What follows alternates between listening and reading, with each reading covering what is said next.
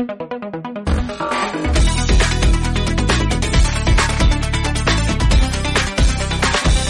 Santpedor. Ona Bages. Bon dia i benvinguts de nou al Plaça Gran. Avui tornem a donar el tret de sortida d'aquest programa que es va deixar d'emetre el juny del 2017, on es portava de manera mena el ple als habitants de Sant Padó. Hem repensat el programa i tot i que també aprofitarem per repassar els punts més destacats del plenari amb els regidors, eh, parlarem de temes importants de la vila, com poden ser l'habitatge, les festes populars o el que serà el destacat d'aquest mes eh, de febrer, la mobilitat. Com es mouen els santpadorencs i santpadorenques, quins canvis s'haurien de fer, què es fa bé. Així doncs, comencem.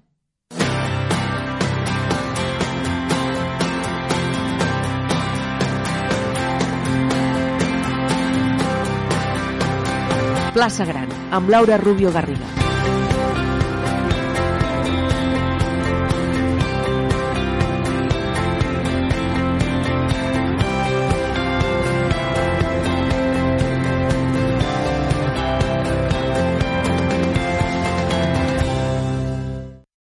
La Unió de la Ronda eh, pensem en l'anterior, diríem en l'anterior POUM, el que finalment no es va aprovar, preveia, si no recordo malament, estic fent memòria, preveia l'enllaç de la Ronda amb la carretera de Manresa i de la carretera de Manresa un altre enllaç que anés ja pel polígon industrial, és a dir, que evités que la, que la carretera de Navarcles i la carretera de Callús hi circulessin els vehicles que hi circulen ara que serveixen d'annexa en diverses carreteres.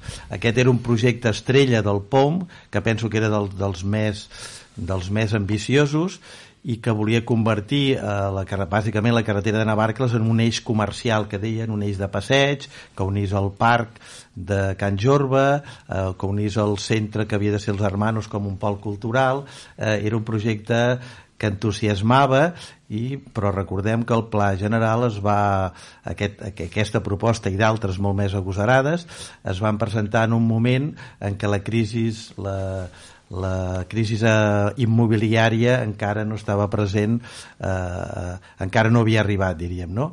Per tant, jo diria que aquest projecte encara seria possible, però aquest projecte s'havia de finançar i es finançava bàsicament amb la urbanització dels terrenys pels quals passava aquesta ronda. Mm?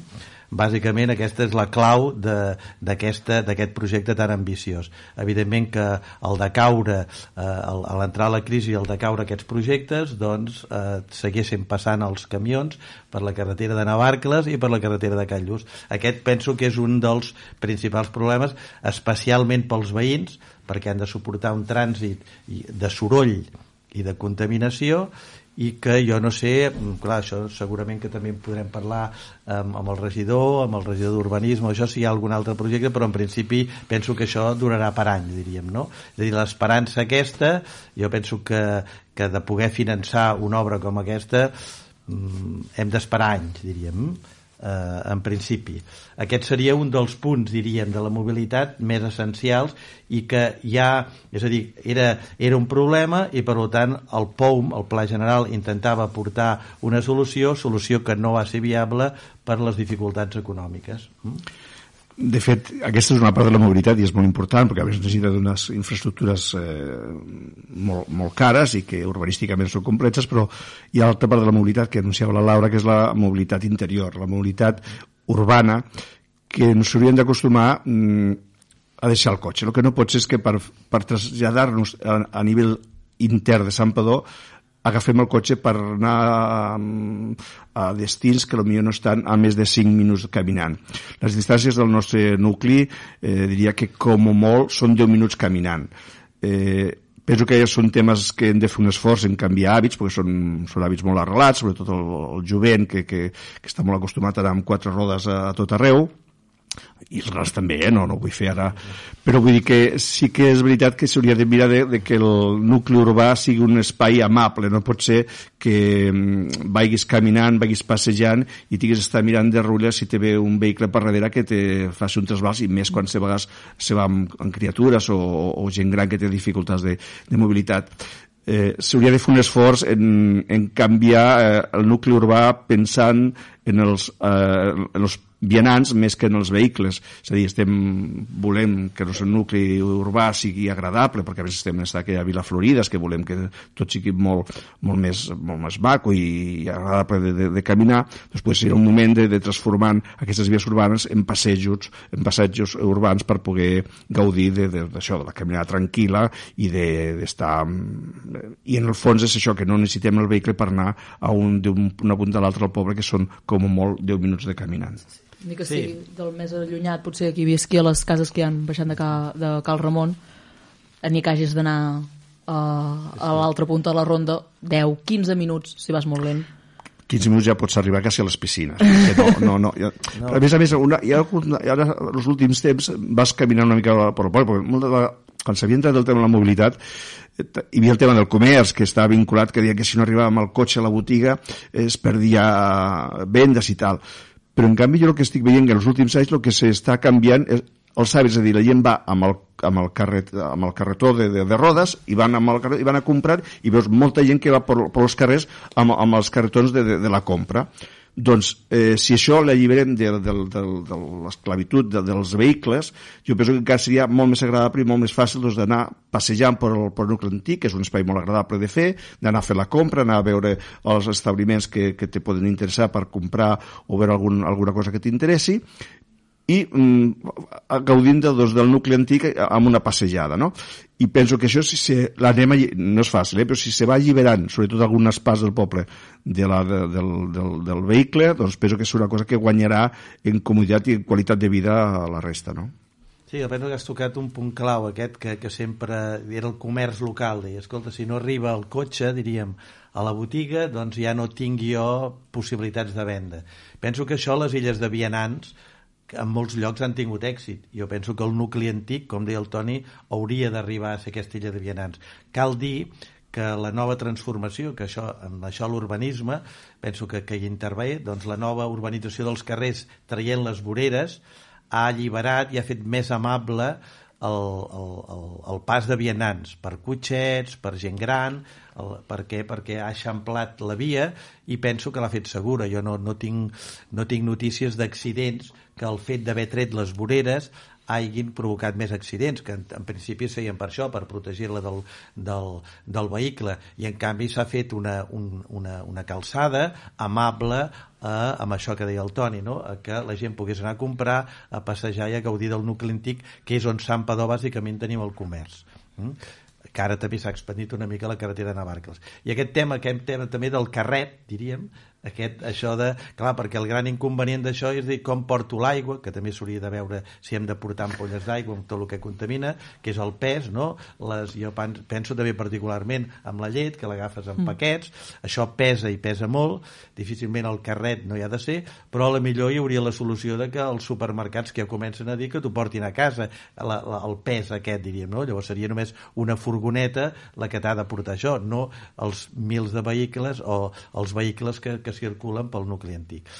Penso que això s'hauria de repensar, parlar molt amb el comerç local i trobar solucions. Mm? que hem de pensar, que jo sempre que torno de Barcelona dic, oh, quina sort que tenim aquí a Sant Padó, que trobem aparcament, trobem aparcament gratuït, no és difícil, i eh, el màxim d'això és lluny doncs, 5 minuts, 5, 6, 7 minuts per arribar al centre. I penso que això ho hem d'anar a seguir pensant entre tots eh, això també la, els regidors i s'hauria de veure de quina manera encara el nucli antic es pot fer illa de vianants durant... Ja, ja es va intentar, no? Allò a la plaça Gran poder que en determinades hores no s'hi sigui, però segurament que s'hauria d'ampliar més. També hauríem de, de sentir la veu dels comerciants a veure què diuen. Mm? serà un dels que portarem també al programa en, en futurs, bé. els volem acostar.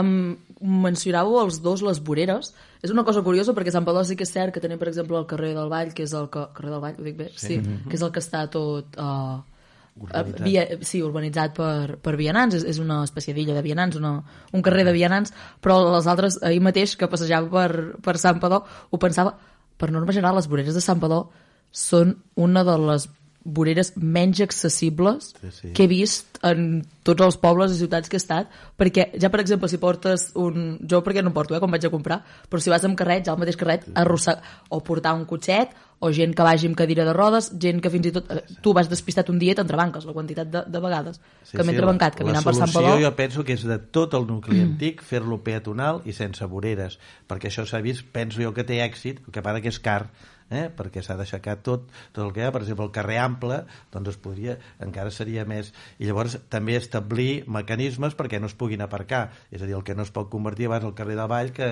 que està bastant ple de vehicles, tot i que hi ha bastanta disciplina, però teòricament no s'hi hauria de poder aparcar, allò hauria de ser simplement poder per passar alguns vehicles determinades hores per poder els veïns poguessin aparcar els que tenen, els que tenen pàrquing, però jo entenc que eh, tot el traçat medieval eh, que és aquest pentàgon que veiem dels, dels, dels, mm, de, de, dels carrers estrets i que tanta dificultat porten els que venen de fora que no, no ho acaben d'entendre perquè té, té la seva lògica perquè van a trobar les petites places del, del nucli antic jo entenc que tot això hauria d'estar urbanitzat sense voreres no? perquè seria aquest passeig més amable més accessible que ja per exemple amb la renovació de Cal Clarasó ja s'ha fet vull dir que cada vegada entenc jo que hi ha alguna intervenció pública important doncs jo penso que l'Ajuntament ja va eh, va apostant per aquest model de- d'èxit diríem mm? Dintre. Un altre tema que podríem encetar seria el dels pàrquings. Eh? Hi ha d'haver pàrquings a dintre del, del nucli o hi ha d'haver pàrquings més dissuasius a fora, diríem, no? de la zona de comerç. Que Això també també és, és una qüestió d'aquestes que pàrquings dissuasius, diríem, no? com els que hi ha en alguns solars que l'Ajuntament ha arrendat, més o menys, o ha fet convenis amb els propietaris per poder ubicar el vehicle i que la gent es pugui desplaçar, per exemple, els del Mirador, que hagin de venir. Això penso que haurien de tenir aquests pàrquings de, eh, a fora del nucli més comercial, diríem, per poder aparcar i llavors anar amb el carret o amb el que sigui. 5 minuts caminant, sí. La proposta també, que, i això sí que potser hauríem de, de portar al comerç per parlar-ne amb, eh, parlar amb ells, però el fet aquest de les coses més pesades, que puguis anar a comprar, que hi hagi el servei, que moltes vegades ja te l'ofereixen gratuïtament, o si vas a comprar la fruita, allò que compra, fa la compra de la setmana, que surts amb la caixa, uh, és, és fàcil. De dir, és, molt fàcil anar amb el cotxe i deixar-lo a la porta, i passes i, i deixes la caixa, um, o podria ser encara més fàcil si fossin els mateixos comerços els que oferissin el, el servei, i llavors ja no tindries l'excusa. Llavors, és, sí, és ben bé que agafes el cotxe per la comoditat, per no haver d'anar caminant, no? Um, una altra de, dels, de, de les raons per les quals Sant Padó crec que està més congestionada també en hores puntes que parlàvem és, per exemple, per al tema de les escoles i l'institut. El, el transport, el fet de que es porten els nens, sobretot si és d'hora al matí, es, passa, es, es deixen els, els infants a les escoles. Um, ens trobem que sí que és veritat que l'hivern potser no és tan agradable si has d'entrar a l'institut a les 8 del matí haver d'anar-hi caminant però fins a quin punt és necessari que haguem de... sent un poble com Sant Padó si vius a Sant Padó és necessari portar el nen amb, amb cotxe a l'escola o què s'hauria de fer perquè o bé la gent no, el, no els portés tant o no sé, fer allò en, en anglès que es diu el, tenen, tenen una paraula per fer un carpool. I és que s'ajunten uns quants que viuen més o menys la mateixa zona i amb, una sola, amb un sol vehicle l'omplen i, i porten a, doncs, un, una, a més són els pares que es van rotant uh, i, i, uh, i van portant els, cada setmana és un responsable diferent el que porta els nens. Què es podria fer perquè no, perquè no anessin Sí, tant? aquest, aquest és un tema justament que de, suposo que després en parlarem perquè va sortir en el ple municipal i serà bo a veure de, de tot i que es va es va dir per part del regidor de Via Pública que hi havia un, un encàrrec a la Diputació de Barcelona per fer aquest estudi no? del bus a peu, que se'n diu, o camins, més aviat a mi em sembla, camins escolars segurs. Eh? Eh, aquest tema de l'estudi de les dades jo penso que cada vegada l'hauríem de tenir més perquè, per exemple, amb això de mobilitat jo penso que l'Ajuntament hauria de tenir dades dades, trànsit que passen en determinats carrers. Soroll que s'ocasiona i molestes als veïns per, per, per, per, per carrers especialment transitats. Quines alternatives hi hauria? Jo sé que havíem parlat amb alguna vegada que segons el tipus d'asfalt que es fica en un carrer el soroll disminueix eh, moltíssim respecte d'un, per exemple, d'un asfalt de formigó. Dades de contaminació, que, que, que he dit amb, aquest, amb, aquesta, amb aquests carrers que para. Totes aquestes dades, dades, allò que posen el, els cables aquells que posen, per saber quin trànsit posa. Jo penso que l'Ajuntament si apostés per realment una mobilitat allò sostenible, una mobilitat amable amb els veïns que han de suportar el trànsit, aquestes dades els hi donarien referències per prendre decisions. A vegades ens falten dades. I amb això de les escoles segur que s'ha de, de fer un estudi. Segurament que aquest estudi de la Diputació ha de veure que eh, jo, jo he vist que allà a la Serreta, per exemple, i en els moments d'entrada i sortida de, de nens allò és una mica de caos. Intenta la policia posar en aquells, aquella mitja hora, tres quarts d'hora al caos, a més hi ha un parc, ja s'acumulen llavors molts cotxes, molta gent i caldria veure que això, aquest, tot aquesta, aquest moviment, si no hi hagués cotxes, seria molt més fàcil de fer. Segurament que amb dades i, i alternatives i proposar alternatives, aquest estudi, no sé si ens en podran parlar, el que passa que aquest estudi em sembla que van dir que encara no s'havia lliurat, diríem, no? Mm -hmm. Però segurament que serà un bon referent per,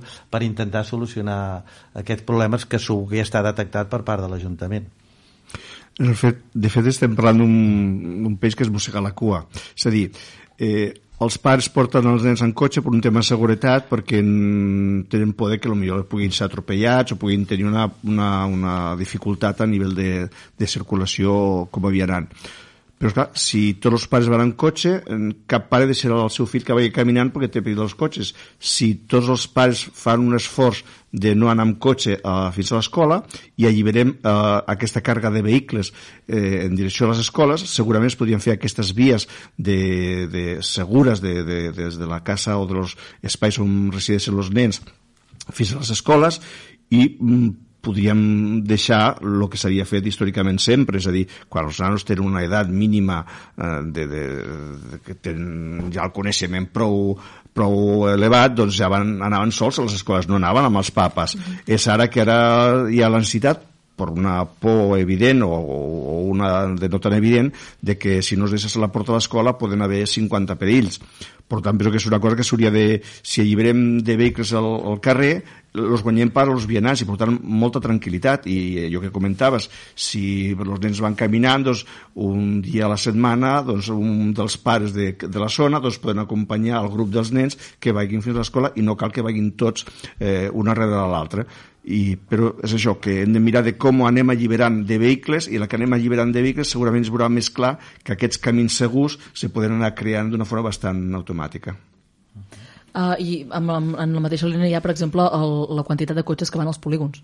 Que sí que és cert que hi ha gent que ve a treballar de fora, uh, però hi ha gent que viu a Sant Padó que van amb cotxe al polígon, que sí que és veritat que queden una mica més lluny segons on treballes, potser no serien 5-10 minuts i segons quines hores tinguis el torn, potser a les 6 del matí se t'acuden altres coses que anar a llevar-te un quart d'hora abans per, per poder anar caminant, però sí que hi ha, hi ha empreses que ja ho tenen, que tenen el, un servei d'autobús que recull els treballadors en, en diferents punts i sí que a les congestions, jo recordo algun dia que anaves d'hora a la universitat, molt d'hora o el que fos, i que eh, això, a les 6, 6 menys 5 sorties de casa, o a les dues, a les hores puntes, la quantitat de circulació de cotxes que hi ha mm -hmm. per la carretera de Navarcles, carretera de, de Callús, és brutal, sincerament. I també s'hauria de millorar i descongestionar. Sí, sí, aquí és una mica el que dèiem al principi, hi ha una part important d'infraestructures perimetrals del municipi que, que alliberin aquesta càrrega de, de vehicles que ven de, de fora i que això és, és molt complicat de, de treure, podria haver mesures que, és a dir, si aconseguíssim que el, els autobusos eh, urbans es poguessin arribar a prop de una part de la, de la zona industrial i que aquests mm, autobús fossin doncs, no sé, en comptes de cada mitja hora o tres quarts o cada hora, depèn de la, de la zona, doncs, poguessin ser més, més, més comuns o poder haver més autobusos i allargar una mica el recorregut també podria alliberar que certa gent que ve de, de Manresa, sobretot, a treballar, doncs, podia venir en autobús i, i no venir tan vehicle. Però sí que aquesta és una part una mica més complicada de resoldre. De, de solucionar. Doncs de la mobilitat interurbana hem, només podem fer una... L'hem apuntat, aquest és un tema sí. apassionant i que, que l'utilitzem cada dia, mm. perquè cada dia gairebé sortim de casa o caminant o amb cotxe o amb bus. És un tema apassionant que segur que que, que tornarem a tractar sí, aquí sortirà. perquè, perquè sortiran, també sortiran suposo amb els plens. Ara, això de les dades, que estem a l'època de la Big Data, jo penso que és molt important, és a dir, saber dades i davant d'aquestes dades i també recollir opinions i, i de, de veïns, però amb aquestes dades prendre decisions que gairebé són eh, decisions d'invertir en, en urbanisme, invertir en mobilitat, per tal de fer més amable i més, sobretot, menys contaminant, menys sorollós, el que és, i més amable, més fàcil als estudiants, a la gent que va treballar, el trànsit de, de cada dia, diríem, la mobilitat nostra de cada dia. Mm? Ah. ha quedat així molt lapidari. I, i, porto, I de manera natural hem de parlar també breument només del que seria la mobilitat intraurbana, perquè també penso que és, ho hem, hem parlat al principi, uh, és a Sant Padó viuen unes 7.000 persones uh -huh. i pico. Aquestes 7.000 persones sí que hi ha nens i sí que hi ha gent gran però la majoria ni treballen ni estudien a, a Sant Padó pots estudiar a Sant Padó en, del 0 als 18 anys. A partir dels 18 si és que has fet batxillerat, si no abans ja t'has de moure si vols seguir estudiant. I la mobilitat és molt millorable. Les connexions, ja no només de Sant Padó, sinó les connexions, el fet de que a més a més a Sant Padó tenim el punt afegit de que des de Sant Padó no vas enlloc, has d'anar a Manresa i és des de Manresa, des, des d'on et mous l'autobús Sant Padó-Manresa que de moment és del que disposem també seria un tema a comentar. No sé si algú de vosaltres sou usuaris freqüents del bus i ens podeu explicar l'experiència o parlar-ne Sí, l'acostumo a agafar bastant sovint perquè mm, bueno, és el, el, final del camí quan després de molt temps de, de tenir dificultats d'aparcament, sobretot quan vas a treballar a Manresa, doncs mm, no tens ús, doncs al final eh, veus que agafant l'autobús i caminant 10 minuts, perquè és que en el fons també és això, perquè te deixen a Plaça Espanya i de Plaça Espanya te pots moure relativament per al centre, doncs la, el funcionament és correcte. Podria haver una mica més de periodicitat en certes hores, que està molt, molt sobrecargat, i sobretot també fer un prec a la companyia concessionària del transport que posi autobús una mica més moderns, sí. que de les últimes vegades que el vam agafar va haver un petit incendi que se va cremar el lector de targetes i va tenir de parar l'autobús amb el, amb, els, bueno, amb l'extintor i va ser una mica complicat. Són, són vehicles, són, alguns són una mica antics i millorant la, la qualitat del vehicle i millorant segurament una mica la freqüència en certes hores mm. que va sobrecarregat, penso que tant estudiants, que hi ha molts que lo fan servir, com persones grans que també per, per si van a l'ambulatori en alguns moments determinats, o els especialistes, o van a fer alguna activitat a la, a la ciutat, doncs, bueno, coincidim moltes vegades i, i que hi ha molta gent que ho fa servir. Sí, sí. Sí, mm, jo no hi estic tan... Jo he de lamentar que utilitzo el meu cotxe particular, em llevo molt d'hora i a determinades hores a Manresa encara trobo aparcament, és a dir, a partir de, de, de tres quarts de vuit en amunt ja no trobo, però eh, si lleves d'hora encara en trobes. Una, una qüestió d'aquestes, eh, eh, si veiem la premsa comarcal, aquest és un tema punta, les connexions amb Barcelona, la, els, els ferrocarrils que tenen la mateixa velocitat que fa gairebé 100 anys eh, per arribar a Barcelona, especialment la Renfe, una, hem, hem hem llegit a la premsa ara que, que em sembla que un d'Adif va dir que en, aquest, en aquesta desena, aquests 10 anys, eh, una infraestructura bàsica que és un túnel, em sembla, per Montcada per guanyar velocitat no es farà, és a dir que Manresa és un cul de sac, diríem, amb, eh, i no, no, no diguem Sant Padó, però justament ahir una anècdota vaig portar una noia a Manresa, eh, a, a Sallent, i em va dir que es havia de llevar a dos quarts de sis del matí per agafar el bus que ve de, de, de Berga per ser a dos quarts de nou a, a, a Barcelona per poder mm. entrar a les classes i diu, vosaltres rai a Sant Padó que teniu un bus perquè allà em sembla que tenen busos eh, encara amb menys freqüència que la que tenim a Sant Padó. No sé per què, però suposo que és la línia aquesta de, de Berga d'allò, i aquí encara encara deien, eh, és a dir, que segurament que la comarca patim aquesta desconnexió, no tenim, Igualada està molt més ben comunicada, Vic també, perquè tenen més freqüència i menys d'allò, i Manresa, doncs tenim aquest ferrocarril que va cap a Lleida, que és, que és un desastre, que és de via única, i el de Manresa, allò que no hi ha manera de millorar, tot i la unió de tot el Consell Comarcal, de tots els alcaldes, però ja els hi van dir que en 10, em sembla que em van dir que en 10 anys no, no, no es pensava pas fer aquesta, aquesta inversió l'àrea metropolitana pesa molt i de partir de Terrassa cap avall doncs sí que ho tenen bé però d'aquí ho tenim difícil Som, sí, és, és el, jo que penso que bueno, és el luxe de venir a viure a Sant Padó diríem això perquè tenim, tenim no? podem aparcar el cotxe i poder, podem dormir molt més tranquils i tenim molta menys contaminació però ho paguem car amb el tema de viatges a la gent que s'ha de desplaçar obligatòriament o per feina o per estudis en el fons eh, tenim un tema que transcendeix una mica la, la política local però estem en un estat que ha apostat per un tipus de, de, de ferrocarrils d'alta velocitat. Això mm, se menja tot el pressupost de ferroviari de, del país i no s'inverteix en, les, en rodalies. I fins que no s'acabi tot el sistema de l'AVE i es comenci a invertir en rodalies segurament ho tindrem molt complicat i això va per llarg és, és això, per, com parlàveu de l'R4, jo per exemple estudio a Bellaterro, sí que aquest any s'han posat una mica les piles, van augmentar la freqüència d'alguns autobusos. En teníem dos només i ara en tenim, en tens tres al matí i en tens uh, dos al migdia per, per tornar i un parell també a la tarda. Segueixen havent-hi queixes perquè, per exemple, si vas a Bellaterra amb cotxe, en una hora que no sé, inclús ara que han, han desdoblat part de, de la C 16, diria que és, o C50, C58 diria que és, uh, a, a, a tot i havent desdoblat aquesta, ara és tardes una hora, en hora punta, en arribar a Bellallerra sense passar per l'autopista, si has de tornar o has d'anar-hi amb tren perquè la combinació d'autobusos no et va bé, jo ho tinc comptat, anar des de Bellaterra fins a Sant Padó, tardes dues hores i mitja. És, és o sigui, acabes abans gairebé, de vegades penses, si començo a caminar potser arribem abans.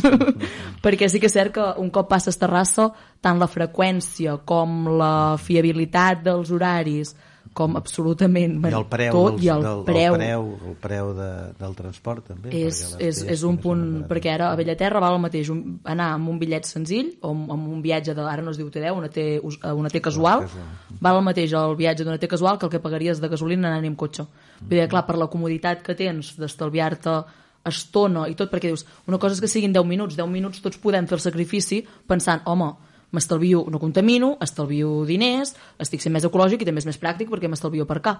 Però quan no parles de 10 minuts, parles d'una hora i mitja, Sí, sí. Uh, I a més, bueno, vull dir, la situació de cadascú és diferent, potser aquí no té res a fer, però tots arribem a amb ganes d'arribar a casa i segurament amb feina a fer uh -huh. a les tardes o, o vols arribar una mica més just a, a la universitat, que no et suposi haver de sortir 3 hores abans de classe, és un tema que, que s'hauria de millorar. Has fet el comentari d'aquesta uh, la moció que van fer els alcaldes uh, i alcaldesses de, del Bages per acostar-se a les, a, les institucions superiors per parlar de la situació en què es troba el Bages. Hem parlat amb, amb l'Eloi Hernández, que és el, el vicepresident del Consell Comarcal i el president de, de l'Associació d'Alcaldes i Alcaldesses del Bages, que ens ha explicat com va funcionar aquesta proposta i com s'han coordinat els, els, els alcaldes de la comarca per fer-ho.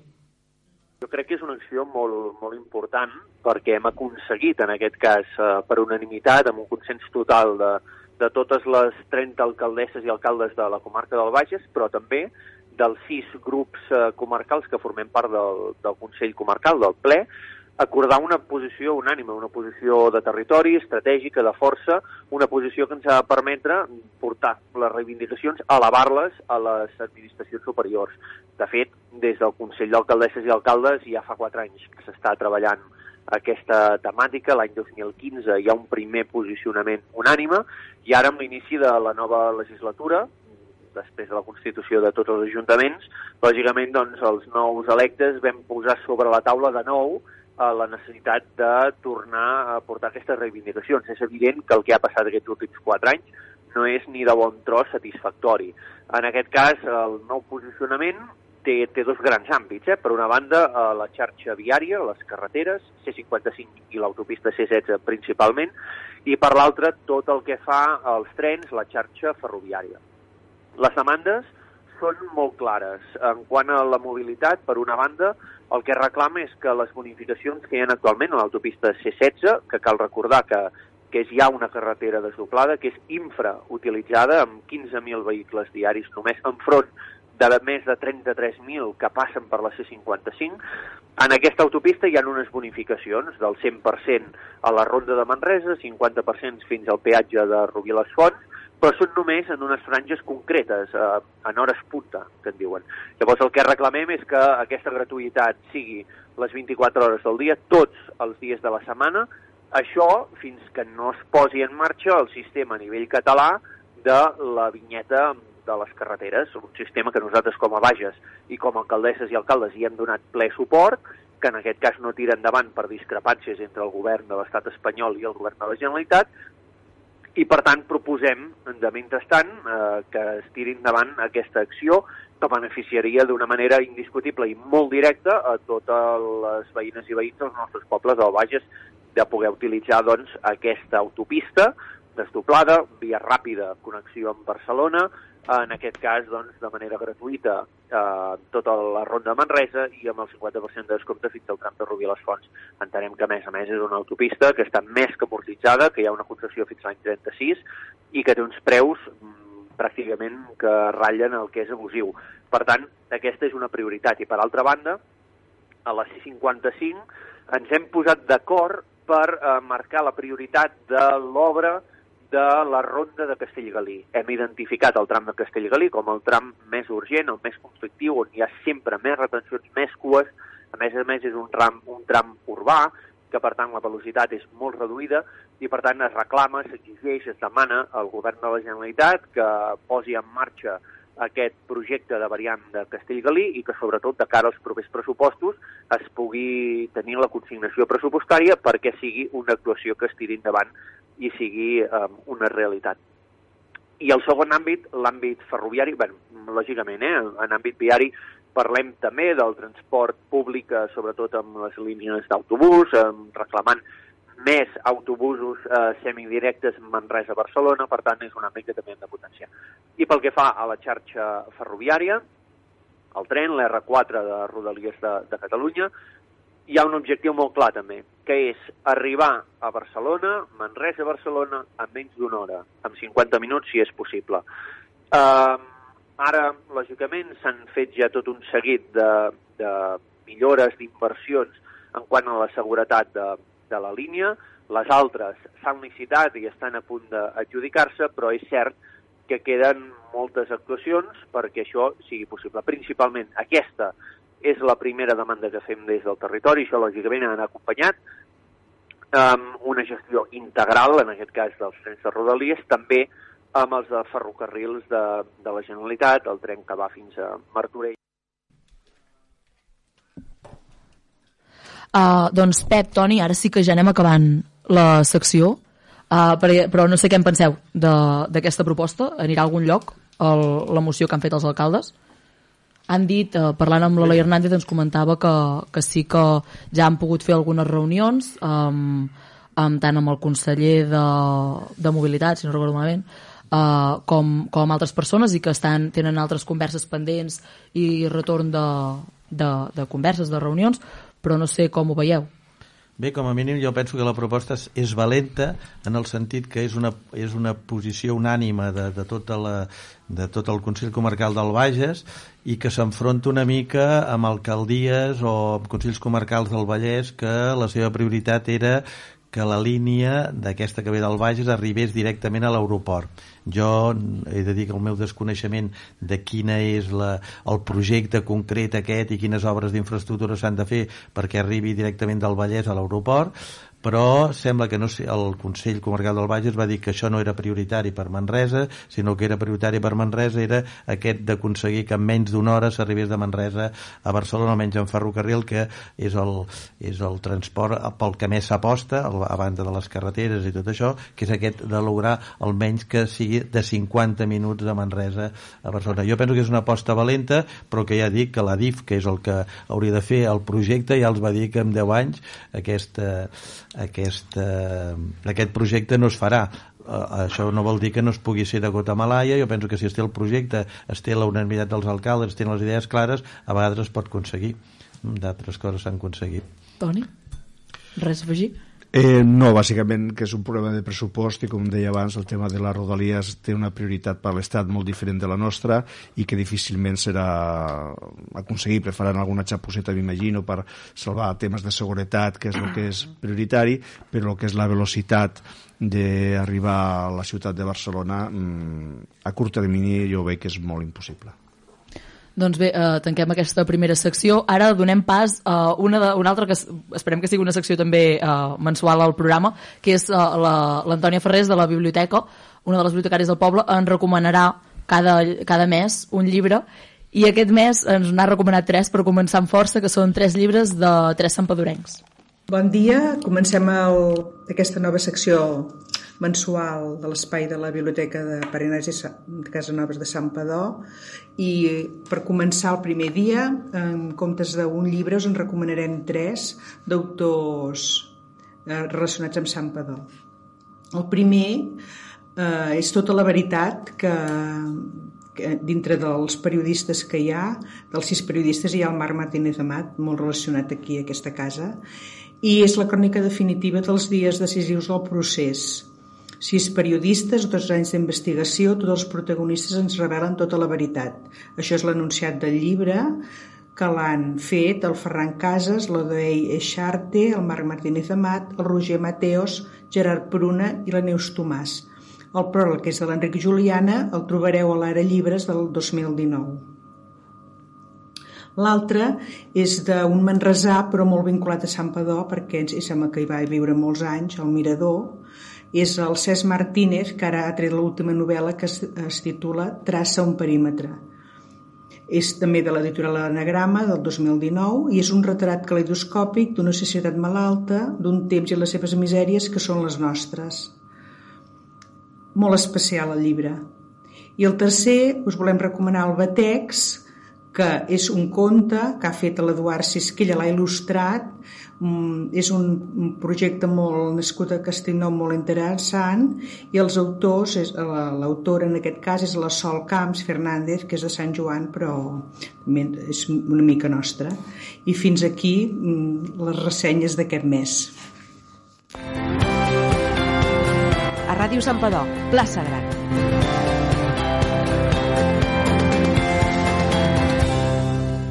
Doncs iniciem la segona part de la tertúlia del ple i saludem els uh, regidors i membres de grups municipals que tenim a la taula. Avui ens n'acompanyen tres de, dels cinc, altres entenem que és diumenge i de vegades costa coordinar agendes, així que agraïm que pugueu estar aquí el Toni Puiggròs de Junts per Sant Padó, l'Aniol Vila, de, membre de la CUP, i uh, no ha pogut venir el Jesús Puig, el regidor d'en de, Comú Podem, que s'excusa i en el seu lloc ha portat el Xavier León, que és el segon de la llista, però que ens ha dit que també ho controla tot, vull dir que així podrem recrear una mica uh, el que va passar al ple i parlar una mica del ple. Abans d'entrar de, en matèria, per això, Um, no sé si teniu alguna cosa a afegir sobre el tema que ha estat central d'aquest mes, de la mobilitat. Molt breus, tots. Va, començo jo. Uh, abans d'introduir aquesta mobilitat i agrair que torni a engegar aquest programa, que des de l'oposició, quan estàvem a l'oposició, havíem demanat que, que es, es tirés endavant perquè és un punt de d'altaveu de, dels diferents grups polítics a nivell del poble. I bé, en, concretament de la mobilitat de Sant Padó, que, perquè heu parlat de molts temes. Hem parlat de, no ens mobilitat temps. Eh, interurbana, mobilitat de dintre, mobilitat de, de carrers, em sé que hem parlat de carrers de, de, de, que hi hagi carrers peatonals i totes la, les entrades de Sant Padó. Exactament quin, quin, quin punt va? El que vulguis tu destacar de tot el que hem parlat. Ah, doncs va, faré el que és el que interessa més, el de Sant Padó, doncs entenc que que, tal com heu dit, és, és un àmbit que s'ha de pensar molt bé perquè hi ha moltes, molts afectats i segur que l'Albert i, i el Pep doncs, eh, li donaran una volta de full i, i treballaran perquè sigui possible almenys uh, començar-ho a fer, començar a fer aquestes illes urbanes que s'ha començat amb la plaça Ajuntament, amb estones, entenem que va bé, però clar, s'ha de també parlar amb els afectats, els propietaris i sobretot els comerciants de Sant Padó. Aniol? Hola, bon dia, també felicitats per la represa d'aquest programa. Nosaltres, des de, des de la CUP, que, que, que, que hem viscut la política municipal des de l'anomenàvem durant la campanya la, la intempèria, no? Uh, a nivell de representació institucional ens, ens ajudava molt a, a conèixer el, el, anar més al detall d'allò que no es podia, d'allò que potser no, no s'explicava al ple i ens ajudava molt a entendre la, la, la dinàmica municipal i, el, i, els, i els temes doncs, de, de, de debat del, de, del moment. Respecte a la mobilitat, doncs nosaltres també durant la campanya ho vam, vam plantejar com a problemàtica Padorenca i, i pràcticament global i al llarg de tota la història. En, en el moment actual ens veiem que, que tot, tots aquells avanços eh, tecnològics no? i de, que, que, que, ens, que ens fan una vida més fàcil eh, d'una manera ens ho han fet més fàcil i d'altra banda doncs, ens compliquen l'existència a nivell de, de civilització perquè, perquè comporta doncs, aquest, aquesta emergència climàtica que vivim i per tant que qualsevol tema relacionat amb la mobilitat s'ha d'afrontar des del tema de la sostenibilitat ambiental. Perdoneu que estic una mica espès un diumenge al matí. I per últim, des d'en Comú Podem? Eh, bon dia, gràcies per, per convidar-nos. Eh, excuso la presència del Jesús que volia venir però per unes circumstàncies familiars no, no hi és aquí. I sobre el tema de mobilitat jo crec que a Sant Padó, evidentment, hi ha diverses problemàtiques. Hi ha la problemàtica eh, de l'accés a Manresa, que és una problemàtica que amb el tema del bus mm, ja s'ha copsat en el, en el debat anterior, és el tema d'uns autobusos que moltes vegades no estan adaptats doncs, a, als propis passatgers, sobretot en persones grans. Jo personalment sóc usuari habitual del bus, jo cada dia baixo a Manresa a, tra a, a treballar en bus, anar i tornar, i evidentment són els autobusos, alguns que no estan adaptats a, a mobilitat reduïda, fins i tot persones que no pot anar amb una crossa o, o amb les bicicletes o fins i tot amb els cotxets, hi ha problemes, fins i tot, on deixen fins i tot pujar-los, i i també en el, en, el tema, en el tema de la freqüència, però evidentment nosaltres en l'última campanya electoral vam proposar com a primer pas intentar en, el, en aquest mandat aconseguir, si es pot aconseguir, que és complicat perquè tot depèn d'una concessionària privada, doncs uns autobusos que siguin més, més adaptables, més a, que només n'hi ha un, i en el temps, això en el intern també hi ha el famós projecte de la, de la línia ferra que havia d'adaptar-se, que es va fer un projecte abans de la crisi que està redactat pel Departament de, en aquell moment de Política Territorial i Obres Públiques de la Generalitat, que està allà en un calaix i, i esperem que com a mi no es desmunti aquesta, aquesta via, que, no, que per desgràcia s'ha fet al Camp de Tarragona amb les conseqüències que estem veient amb el tema de la implantació de la, del corredor mediterrani a les ciutats del Cambrils o Salou i per tant com a mínim que es mantingui aquesta via perquè això implica que mm, es pot fer aquest projecte que no es desmunti i també la mobilitat interna eh, ara hem parlat eh, el cas, el cas del, del bus a peu que és un projecte que a l'últim debat electoral que es feia en campanya tots els grups municipals van proposar nosaltres com en Comú Podem proposar seguint el model que hi ha a Navarcles a Navarcles ja està, mm. està implementat que és un model que més enllà d'un camí segur és, és un bus que, eh, en el qual els nens i les nenes siguin, de, siguin en, en parlarem perquè sí, sí. va ser un dels temes que va sortir en el ple. Vale, vale. Sí? D'acord, doncs ja ho, ho explicarem posteriorment. Ho explicarem posteriorment, sí, perquè sí que és veritat, va sortir fins i tot, uh, recordo que, perquè hi érem al, al debat de, dels grups polítics, um, va sortir des d'una de les preguntes del públic, va ser una de les propostes que es va fer, a veure si s'havia considerat això de, del bus a peu, sí que recordo que tots els grups van semblar interessats. Abans d'entrar i començar el debat, uh, tenim el Joel Penya, que ens ha preparat un breu, breu, breu, breu resum del ple. No sé si el podem sentir. El ple en un minut. El ple de dimarts va tenir tres punts claus. El primer va ser donar el primer pas perquè UNICEF reconegui Sant Padó amb el segell de Ciutat Amiga dels Infants, un reconeixement que tothom va veure bé i que a més la CUP va matisar. Votaven a favor perquè l'ONG fa un seguiment conforme les poblacions segueixen complint els requisits i millorant en l'àmbit dels drets dels infants un cop ja tenen el segell. El segon punt, i que també afecta aquest programa, va ser el que més polseguera va aixecar, oficialitzar el canvi de nom de la plaça Gran a plaça Gran 1 d'octubre. Dic polseguera perquè Esquerra Republicana, Junts per Santpedor i la CUP van votar a favor, mentre Progrés Municipal es va abstenir, com Santpedor en Comú Podem, que també va tocar el crostó a l'equip de govern per no haver obert la decisió a tot el poble. El tercer punt clau van ser dues mocions. La primera, de la CUP, es va aprovar per unanimitat i té l'objectiu de posar cartelleres populars al poble perquè tothom, qui vulgui, pugui penjar cartells. Això sí, una comissió redactarà un reglament per evitar que els cartells siguin intolerants. La segona moció la va presentar Sant Padó en Comú Podem amb l'objectiu d'instar la Generalitat perquè asseguri uns pressupostos socials. Aquesta, però, no va tirar endavant. I en sortir del ple, el líder del grup dels comuns, Jesús Puig, va explicar que sortia decebut perquè creia que no havia tirat endavant perquè l'havia presentat Sant Padó en Comú Podem.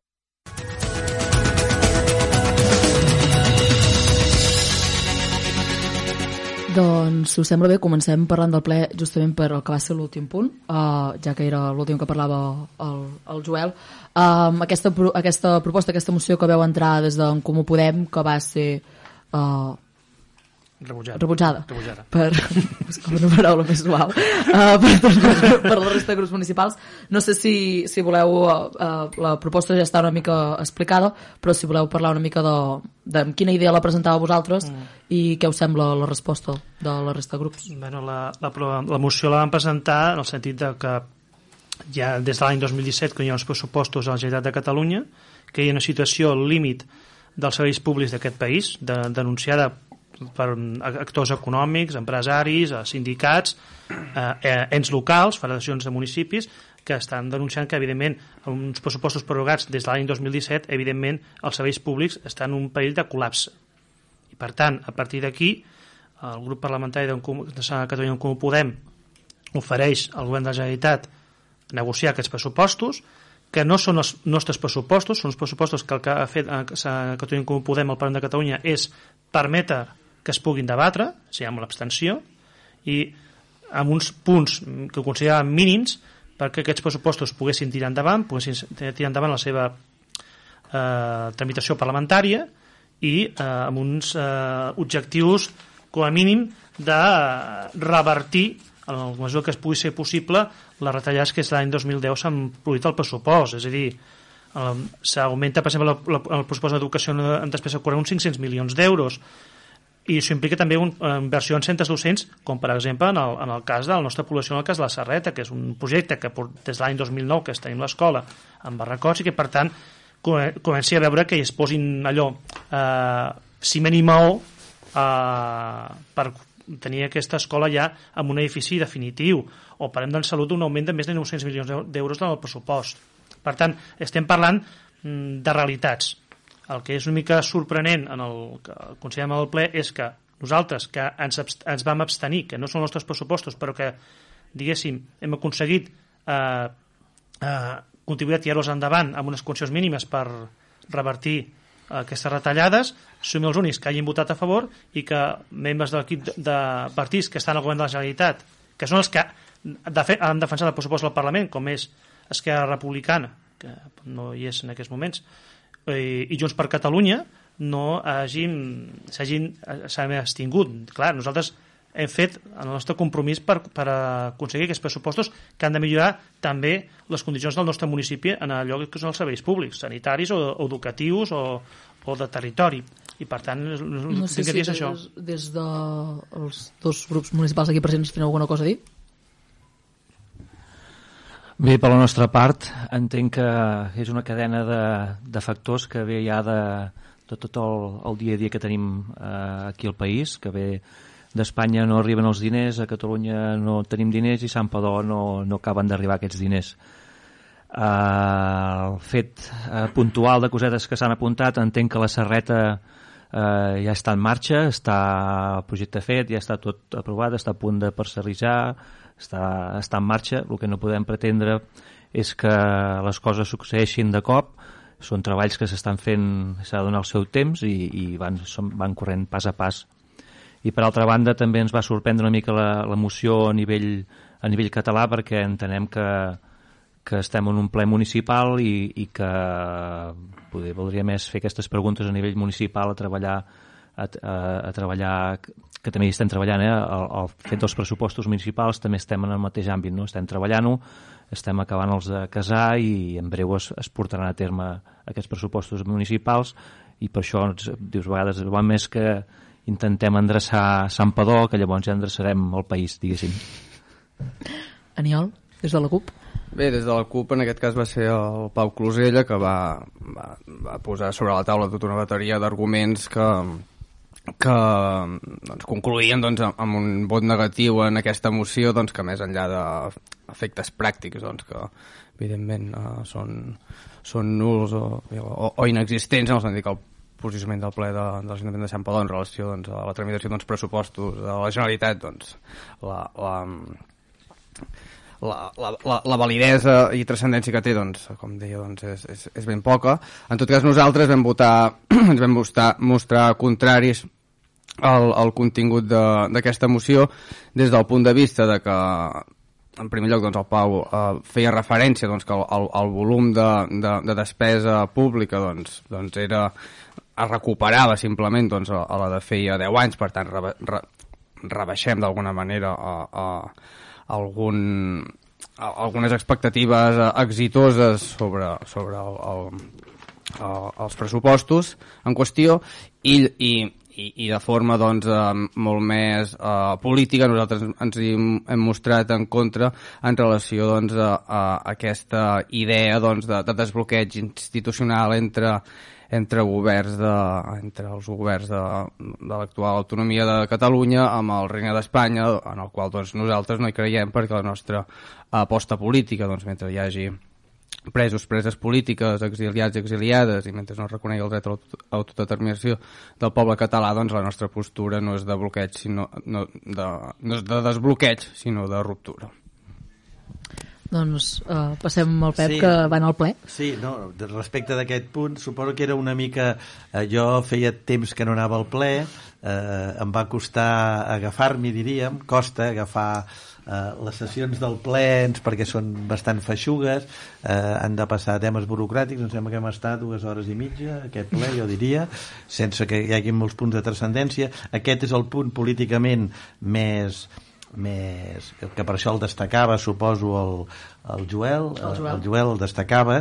Eh, cal dir, que, perquè no ha intervingut i no ha vingut, que el PSC va fer un, amb aquest punt una mostra que jo no ho sabia, va dir, diu com el, va ser el Ferran, sí, el mm, portaveu de, del progrés municipal que va dir que ja havia anunciat que en temes que eren de polítiques generals ells s'abstindrien sempre és tot una, una, una, una postura i una allò d'intencions i per tant es van abstenir en, en aquest cas també perquè van dir que no hi entrarien en temes de política general i aquí en aquest punt es va veure molt bé el posicionament de cada grup polític de l'Ajuntament diríem, no? Bueno, el que menys, el que menys va ser el grup d'Esquerra i de, jo diria que no es va, no es va intervenir diríem, no? de, de Junts d'Esquerra i de Junts per, Junts per Catalunya hem de ens ho van precisar allà en el ple que, que Junts per Sant Padó Junts per Sant Padó ens hi hem d'acostumar perquè clar, amb tot el, el ventall de noms que, que en els que últims dos anys eh, ha canviat doncs, molt la cosa. doncs ells sí, sí, no s'han mogut. però va ser una, una, una ells es van abstenir i el que va fer la, el, com deia l'Aniol va fer una reflexió més, més política junt amb el, amb el representant que el que va defensar la moció va ser la CUP, diríem, entre altres coses va dir que aquests pressupostos deien era un recolzament a la política neoliberal que es practicava des de la Generalitat em penso que va dir, que va dir exactament això que em va, em va, bueno, és una mica el posicionament ara que, que ha donat l'Aniol com a grup polític mm? Què més s'ha de destacar del ple, doncs? Home, ja una destacava. Home, hauríem de dir, jo penso que eh, hem dit que, com que el ple era farragós, ens vam proposar el, amb el programa nou de Plaça Gran que fos el màxim d'àgil possible, per tant, farem pinces de, de, de, eh, allò, perles, diríem, de, però com a mínim hauríem de repassar una mica el que es va sí. tractar, perquè és que, que eh, el, el Joel n'ha destacat quatre. El primer punt que va ser, va ser, doncs, aportar, això és una cosa curiosa, que ja havia sortit altres vegades, aportar portar la Mancomunitat de Sanejament del Bages, és una mancomunitat perquè així a la que hi participa Sant Padom d'altres municipis que, eh, deu ser Sant Fritós, Bueno, quasi bé són tots. Quasi tot, sí, la mancomunitat que, que mantenen la, les depuradores. Es tracta de la mancomunitat de les depuradores d'aigua. L'AC, amb la crisi econòmica, no hi ha pogut aportar els diners que eren suficients i llavors s'ha demanat a cada ajuntament que hi aportés, segurament segons la seva població, una, un, un, una aportació. En aquest cas va ser de 16.000 euros i que n'havia fet una aportació anterior de 13.000 euros. És a dir, que la manca de finançament de la Generalitat comporta que les majors que les hisendes locals que estan més sanejades, força més sanejades que la de la Generalitat, hagin de portar un servei que teòricament paguem a través de la, del, de la tarifa, de la taxa d'aigua, perquè sabeu del rebut de l'aigua que hi ha una part que va directament destinat a l'ACA. Sí. Aquesta aportació és insuficient perquè l'ACA té l'encàrrec amb, aquestes, amb aquests ingressos a través de la taxa de tot Catalunya, de tots els municipis de Catalunya, a través de, la, de les tarifes d'aigua, de fer les inversions en sanejament i mantenir-les l'infrafinançament de la Generalitat i, la, i d'inversions de vegades d'excavadors de l'ACA han comportat això. Bé, els ajuntaments han pagat i el que es tracta és de que la depuradora funcioni. Aquest em sembla que va ser aprovat només amb l'abstenció de Comú Podem, sí. perquè va dir que no tenia perquè, prou no, no, no havien participat, eren dels que no estaven a l'Ajuntament. No en, en l'anterior, vale? Es va aprovar també la quota urbanística de l'urbanització del Mirador, que ja és la quarta, això va bé, jo diria que que va bé eh, en el sentit que les obres s'estan realitzant i la gent està pagant les seves quotes d'aportació. Aquest era un tema clàssic de plaça gran sí. perquè no s'acabaven mai d'iniciar les obres. Finalment això arriba a bon terme i sembla que els veïns del Mirador, un cop acabin les obres, no sé si hi ha hagut moltes queixes molt bé, però jo pel que tinc coneixement és de que la cosa està funcionant, es va aprovar amb 11 vots a favor i l'abstenció de la CUP perquè va dir que no havia participat en el seu dia en el projecte ni en el, en, en el projecte de finançament i per tant es va abstenir es va, és un tema burocràtic, es renova un conveni amb la Diputació pel programa informàtic del Padró d'Habitants, això és un programa que facilita la Diputació als ajuntaments, és una institució aquesta la Diputació que té molts diners i que ajuda els municipis i, aquest, i, i cal que els municipis estiguin atents per aprofitar aquests diners. En aquest cas l'Ajuntament de, de Sant Padó aprofita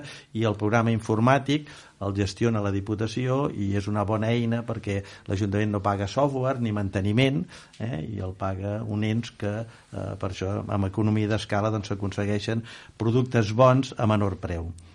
També es van aprovar les noves tarifes del taxi, això, eh, ah, perdó, l'anterior eh, acord es va aprovar per unanimitat, es van aprovar les tarifes del taxi, que per exemple la baixada de bandera us costarà 2 euros si un dia utilitzeu el taxi, cada quilòmetre 1,25 i per exemple 19 euros de l'hora d'espera. Jo no vaig eh, tenir temps d'apuntar més preus dels que es van dir, diríem, no? Sapiguem que aquestes tarifes són compartides pel conveni que hi ha de l'espai interurbà sí, on funcionen els taxis. Joan, sí. Exacte, en Manresa, Sant Joan i Sant Fritós. Eh? Que això, ja, això també ho havíem dit amb un, amb un acord de, la, de, de Plaça Gran.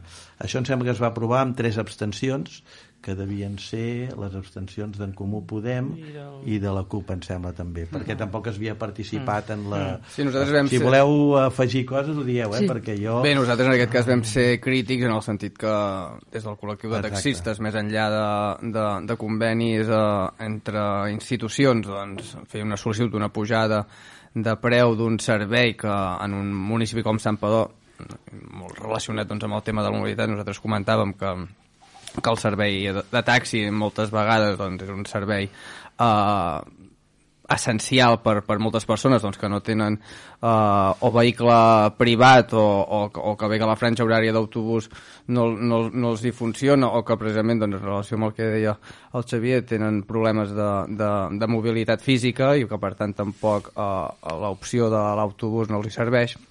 Enteníem que era un servei doncs, prou important i per tant eh, eh, que, que el, el, que, el que era desitjable és que el cost que té doncs, sigui el, el, el mínim possible. En aquest cas estem davant d'una pujada de preu mínima i en uns serveis determinats, però en tot cas nosaltres eh, eh, fem valer doncs, aquesta opinió uh, hem, hem, hem sigut reàcids en, en aquesta, uh, a ser favorables a aquesta pujada, sobretot des del punt de vista doncs, que no se'ns ha justificat sota cap paràmetre tècnic, uh, econòmic ni de qualsevol altre tipus. Molt bé. Llavors, destacar eh, una, una novetat, jo diria, que en poques vegades havíem vist amb, amb anteriors mandats municipals, diguem, Eh, eh, que era la presentació de mocions per part dels grups municipals. Se'n van presentar dues, és a dir, fins ara els punts que hem donat els presenta l'equip de govern, és a dir, són acords ja elaborats com eh, acords, diríem, executius, diríem, no? El que s'aprova s'ha de portar a terme perquè té, si hi ha despesa, perquè hi ha partida, per tant s'han de portar a terme. Les mocions són propostes que fan els grups municipals que si s'aproven entenc que l'equip de govern les hauria d'entomar o no les entoma. En teoria el que fan és, eh, mm? la moció si s'aprova s'envia, el text de la moció corresponent s'envia a la Generalitat i s'envia on correspongui per donar constància que l'Ajuntament de Sant Padó eh, recolza determinada, determinada no, qüestió. És a dir, això implica, doncs jo vaig veure doncs, que ja hi ha un treball, a més de control de, del, del ple, diríem, de l'equip de govern, doncs hi ha les ganes de col·laborar per part dels grups d'oposició a enriquir, diríem, el debat polític o de fer propostes que l'equip de govern no ha presentat. Jo penso que això és positiu, que veiem molt poques vegades en, en anteriors mandats i aquí en el primer ple que em presento doncs ja veig dues mocions, diríem, no? La primera, que era la instal·lació de cartelles, eh, cartella, cartelleres populars que va presentar la CUP, sembla que és un projecte que ja ve de lluny, que la CUP el va presentar, eh, si el vols explicar, eh, i el va, el va recollir en aquest cas el regidor de la via pública, eh, és a dir, de l'equip de govern, que és el, l'Albert, exacte, que és del grup de Junts per Sant Padó, eh? el va recollir, o sigui, la, jo entenc que el ple funcionarà, eh, com que hi ha coalició, que també és una, una certa novetat, doncs eh, els regidors de cada grup defensaven les seves propostes i així ens repartien les quotes, diríem, de participació en el govern municipal. En aquest cas va contestar a la proposta de la CUP el regidor Ferran i va, va semblar que ho acollia amb bon, amb, bona, amb entusiasme, diríem, eh, fins i tot pels socialistes, eh, i es va aprovar aquest grup, aquesta moció per unanimitat, que si tu la vols explicar, Niòlia, que és una proposta vostra, la pots explicar així ben resumidament, perquè anem ja una mica fora d'horari, ja, eh, que sí? Vale. Intentarem fer-ho resumidament. Nosaltres partíem doncs, de, de, de l'anàlisi que fèiem de que malgrat doncs, tenir Sant Pau un teixit associatiu, associatiu molt ric i molt participatiu, doncs, tal i com bé comentàveu en, en la fase interior d'aquest programa, eh, l'anàlisi la, que fèiem era que no, no, no tenien opció o l'opció que des de la institució, des de l'Ajuntament, posava al servei d'aquestes entitats per tal de fer visibles en molts actes o simplement una lliure difusió eh, d'idees amb parades pel dret a llibertat d'expressió, doncs era eh, poc, poc efectiva, no? en el sentit que les cartelleres que actualment tenim són, cartell són cartelleres petites que estan tancades en pany i clau, que només les obren un cop a la setmana i que, i que per tant doncs, fa que això no, no, no, no, no sigui utilitzat de facto doncs, per les entitats. I això es veu perquè, per, pels cartells que veus penjats en, en aquestes cartelleres, que la majoria ja, ja són uh, propis doncs, de, de l'Ajuntament, i ho veus també doncs, en, en, en les façanes i en, en les portes de molts comerços de, de, del poble. I això fa doncs, que, uh, que, que depenguem dels comerços. Aquí vam agrair el servei públic que moltes vegades fan sense tenir cap, cap, cap obligació de, de, de fer aquesta difusió d'actes i, i per altra banda també posàvem en, en, en posàvem de manifest doncs, que com que era gràcies a, als comerços doncs, que, que, es feia, que, que es podia fer aquesta difusió d'actes i d'idees en aquelles zones residencials del poble on no, on no hi ha comerços doncs, no existeix aquesta possibilitat. Per tant, doncs, com de tants altres municipis de, de, del nostre país, eh, doncs, defensàvem doncs, que hi haguessin espais lliures doncs, de, de, de poder penjar amb les limitacions doncs, eh, que nosaltres entenem que no emparen la llibertat d'expressió, com són idees doncs, de caràcter feixista, racista, sexista o bé amb finalitats comercials, perquè entenem que no seria aquest l'espai idoni. Llavors, eh, la idea amb què porteu vosaltres a la proposta de les cartelleres que siguin cartelleres obertes, en què les entitats, en qualsevol moment, òbviament marcant sí que hi ha hagut eh, s'ha dit que es farà un, un pla, una espècie de, de, de pla sota els quals una, una sèrie de, de característiques que han de complir els cartells en la línia aquesta que tu comentaves. Llavors la idea és que les cartelleres siguin obertes i les entitats no hagin ja d'anar a l'Ajuntament a portar els cartells o que coincideixi que ho puguin fer, simplement elles pengen allà Exacte, I, és el que ja plantegem, està. que és un espai lliure, simplement doncs, uh, limitat uh, a, a, una, a unes normes que, que es posaran doncs, en base a un reglament, que, que és una mica l'acord amb el qual vam arribar perquè, perquè s'aprovés aquesta moció, però, però en, en, en la línia, doncs, evidentment, a, a, a espais a, a, totalment doncs, doncs lliures, amb, amb unes mides també suficients perquè puguin cabre molts cartells que setmanalment doncs, s'haurien doncs, d'anar retirant en mesura que, mm -hmm. que, que estiguessin caducats. Sí, alguna cosa? El, ah. ah, no, bueno, afegir que jo penso que això es discutirà en el reglament eh, d'ús d'això que el regidor va prometre a tots els grups municipals que hi poguessin participar. O sigui, aquest és un tema interessant. Mm. Fins i tot amb, amb això que deia ara l'Aniol de prohibir que no hi haguessin propaganda feixista, eh, aquí eh, m'agradaria fer una, una, perquè a l'arran del ple vaig sentir l'altre dia o vaig llegir una reflexió, no sé quin diari era de, un article interessant sobre la proposta que hi ha, em sembla, de l'actual govern de l'Estat de prohibir qualsevol propaganda fran franquista. Fugir el franquisme, sí. Ah, el franquisme, i feia una reflexió de dir, al tanto en prohibir, perquè la grandesa de la democràcia justament és garantir la llibertat d'expressió eh, al màxim. Ell comparava, evidentment que no hi ha d'haver fundacions Francisco Franco, és a dir, que l'Estat doni calés eh, per aquesta qüestió, però la llibertat d'expressió, així com hi ha Vox com a partit polític, al tanto que la grandesa de la democràcia és garantir al màxim aquesta llibertat d'expressió. Era una reflexió interessant. Jo entenc el, jo crec, la qüestió, jo, eh? Però, aquesta, però, però, però és un debat sí. aquest que segur que hi serà. Eh? Vull dir que bé hi ha Vox, no? Hi ha, hi ha partits neofeixistes a Itàlia i a Alemanya i la democràcia, el bo del, del sistema és de que és capaç d'encaixar-los i a veure què passa. Mm? Eh, vull dir, eh, prohibir sempre és difícil. Eh, em va, arran de, de, la, de la vostra intervenció, em va suggerir aquesta, dic, va, això si, si llavors ho podràs ho diràs a la ràdio. La millor suscita debat. Però sí que és cert que, que això, les prohibicions, òbviament, si la democràcia funciona, no s'ha de prohibir, perquè s'ha de poder... Però hi ha penso, i això sí que és una opinió personal, que hi ha certs límits en, en aquestes prohibicions o què s'ha de prohibir o què no, perquè el que està clar és que és també els debats de vegades que es fa de l'extrema dreta i l'extrema esquerra, els extrems tots són dolents, no? Per exemple, sí, hi ha un, hi ha un, però hi ha un extrem que el que vol és estar negant la humanitat a, a, a certs grups, els grups feixistes, el que fan és negar humanitat, negar dret de persona uh, a certs grups.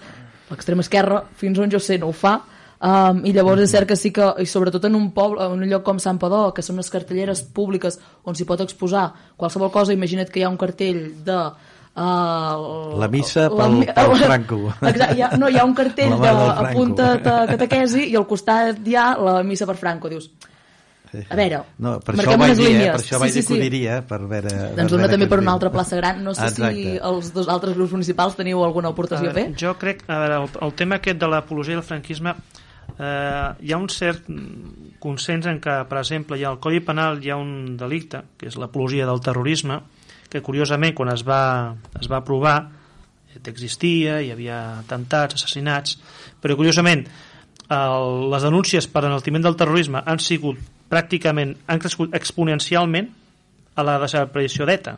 És a dir, actualment és el que passa moltes vegades quan es creen legislacions d'excepció. És a dir, es, es legisla per un tema, però aquesta, aquest, aquest aspecte del Codi Penal es manté.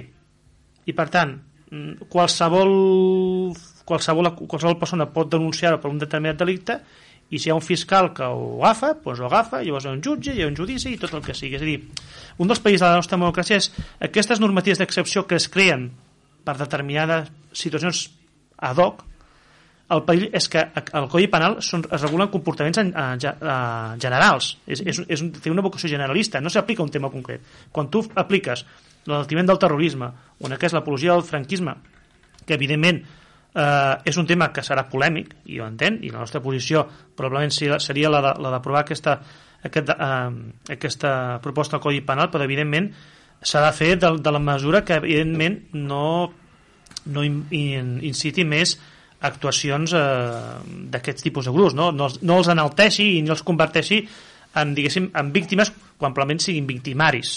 I per tant, és, és un tema polèmic que jo entenc que eh, entén a l'existència d'aquest delicte d'apologia del terrorisme i amb unes conseqüències que ha tingut, que ha sigut unes conseqüències que hem vist en, en rapers, en cantants, en, en fins i tot en mitjans de comunicació que han sigut acusats de d'altiment del terrorisme o altres delictes com per exemple la, la incitació al, a l'odi religiós. Sí, són delictes d'opinió que són molt complicats i que de vegades s'aproven fa 20 anys i, i encara tenen efectes en els temps actuals.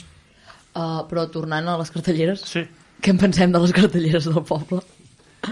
No sé si... Però jo, jo volia celebrar que la, la proposta de la CUP en la línia que, que, de, que deia el PEM, no? que des de, nosaltres des de l'oposició doncs, intentarem sempre doncs, dins dels possibles i de, de, de la forma més humil possible, fent propostes com aquestes, que a priori doncs, són, són senzilles i com veiem doncs, són acceptables, fer aquest paper doncs, també de propositiu més enllà de fiscalitzador mm -hmm. i mhm. controlador. Celebrar doncs, que, que arrel doncs, d'aquesta doncs, proposta també sorgeixin debats més de fons, més, més, més interessants, com quin és el, quina és la resposta que hem de donar al feixista a nivell social social. Nosaltres entenem, va bé doncs, una tradició jurídica que, que no és la, no, que no és la no, neoliberal i que per tant entén els drets eh, fonamentals sovint doncs, d'una doncs, forma absoluta. Nosaltres entenem que, que té límits i en concret la llibertat d'expressió està, està limitada eh, està, està limitada i que el feixisme, el racisme o el sexisme doncs, no hi han de tenir lloc en una, en una societat democràtica com la que pretenem que sigui la nostra. Ni tampoc a les cartelleres de Sant Padó. Què en pensen, professor? Sí, d'aquest debat jurídic...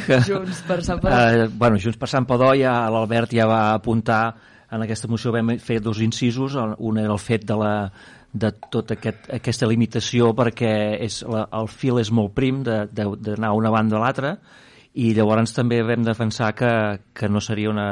Ara posem cartelleres a tot, arreu, a tot arreu. ara serà una, una, una acció amb, amb progressiva, anem provant-ho, veiem com respon, aviam, eh, perquè tot això s'ha de netejar, també comporta uns serveis de més i bueno, s'ha de triar ben bé on es posen, perquè poder un, un veí no li agradarà, s'ha d'acabar de, de lligar-ho tot.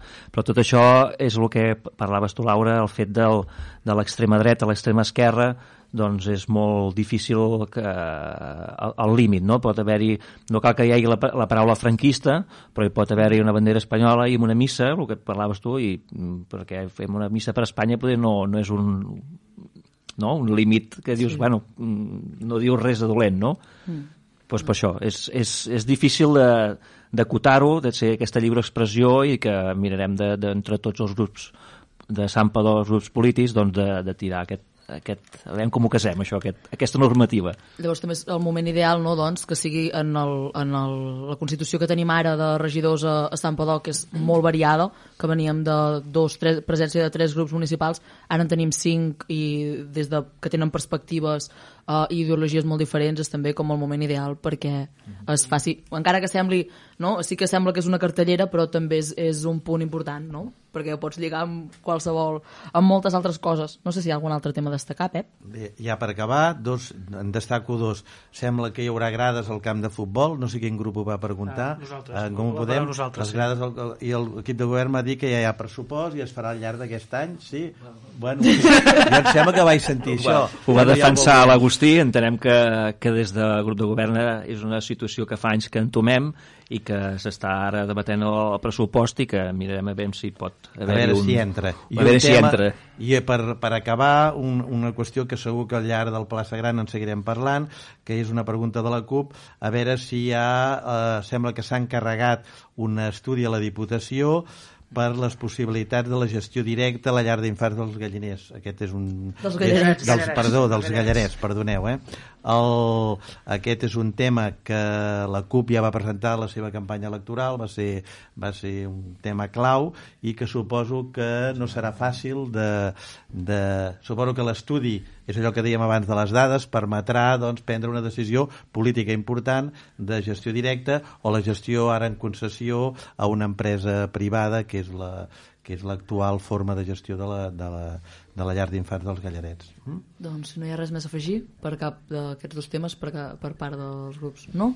Bueno, ah, dir que és un informe doncs, que, que, ja, que fa més d'un any que s'espera, que, que es condiciona d'alguna manera des de l'equip de govern l'efectivitat i la posada en marxa d'aquesta nostra proposta, que és de municipalitzar els serveis, que també recolzen els altres, els, altres formacions polítiques de, de, que estan representades al ple, i en, el, i, i en aquest cas doncs, ja se'ns va dir en el ple, que, que en un, el ple d'octubre, si, no, si no vaig errat, però que ja al, al novembre ja tindríem informe i per tant anem estant a sobre de l'equip de govern. En aquest cas no és responsabilitat seva perquè l'informe no l'elabora els tècnics municipals, sinó que prové de la Diputació, però en tot cas estem amatents perquè si s'ha de municipalitzar es pugui fer ja de cara al curs vinent eh, tenint en compte que actualment s'està fent una pròrroga d'un any fora de, del termini de, de, de, la, de, la, de la pròpia concessió.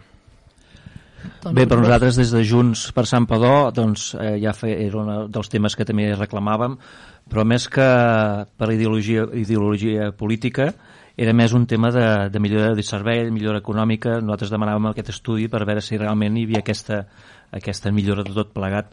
Uh, un cop arribi aquest estudi valorarem a nivell de, de, de grup de govern si realment hi és i si realment val la pena fer aquest canvi perquè no, no només comporta l'econòmic poder el que es valora més és el, el, el servei que hi ha fins ara i, i, i el servei que hi ha fins ara donat per, per l'empresa que ara és, no és poder un 100% perquè sempre hi ha petites coses però el servei és bastant òptim i bueno, si no hi ha una altra millora per una altra banda doncs quasi bé no veurem, veurem com ho acabem de casar això doncs així acabem el primer plaça gran d'aquest nou, nou plaça gran. Uh, moltes gràcies als regidors uh, i representants dels grups municipals que han estat avui amb nosaltres, la Niol Vila, el Xavier León i el Toni Puiggròs, uh, i també els nostres col·laboradors, el Pep Vila i el Toni Hernández, i el Xavi López, que l'hem tingut el tècnic de so. Uh, així doncs, ens escoltem... I felicitar la Laura Ah. perquè ha, ha, ha agafat el relleu de, que no era fàcil del Marc Martínez. No està sent fàcil, no està sent I, fàcil. eh, enhorabona i, i també felicitats pel nou estudi, eh, que ara veiem el sol i veiem els pins aquí de Cal Torrada i una mica el no sol del migdia. Ah, Exacte. Doncs ens escoltem el mes que ve.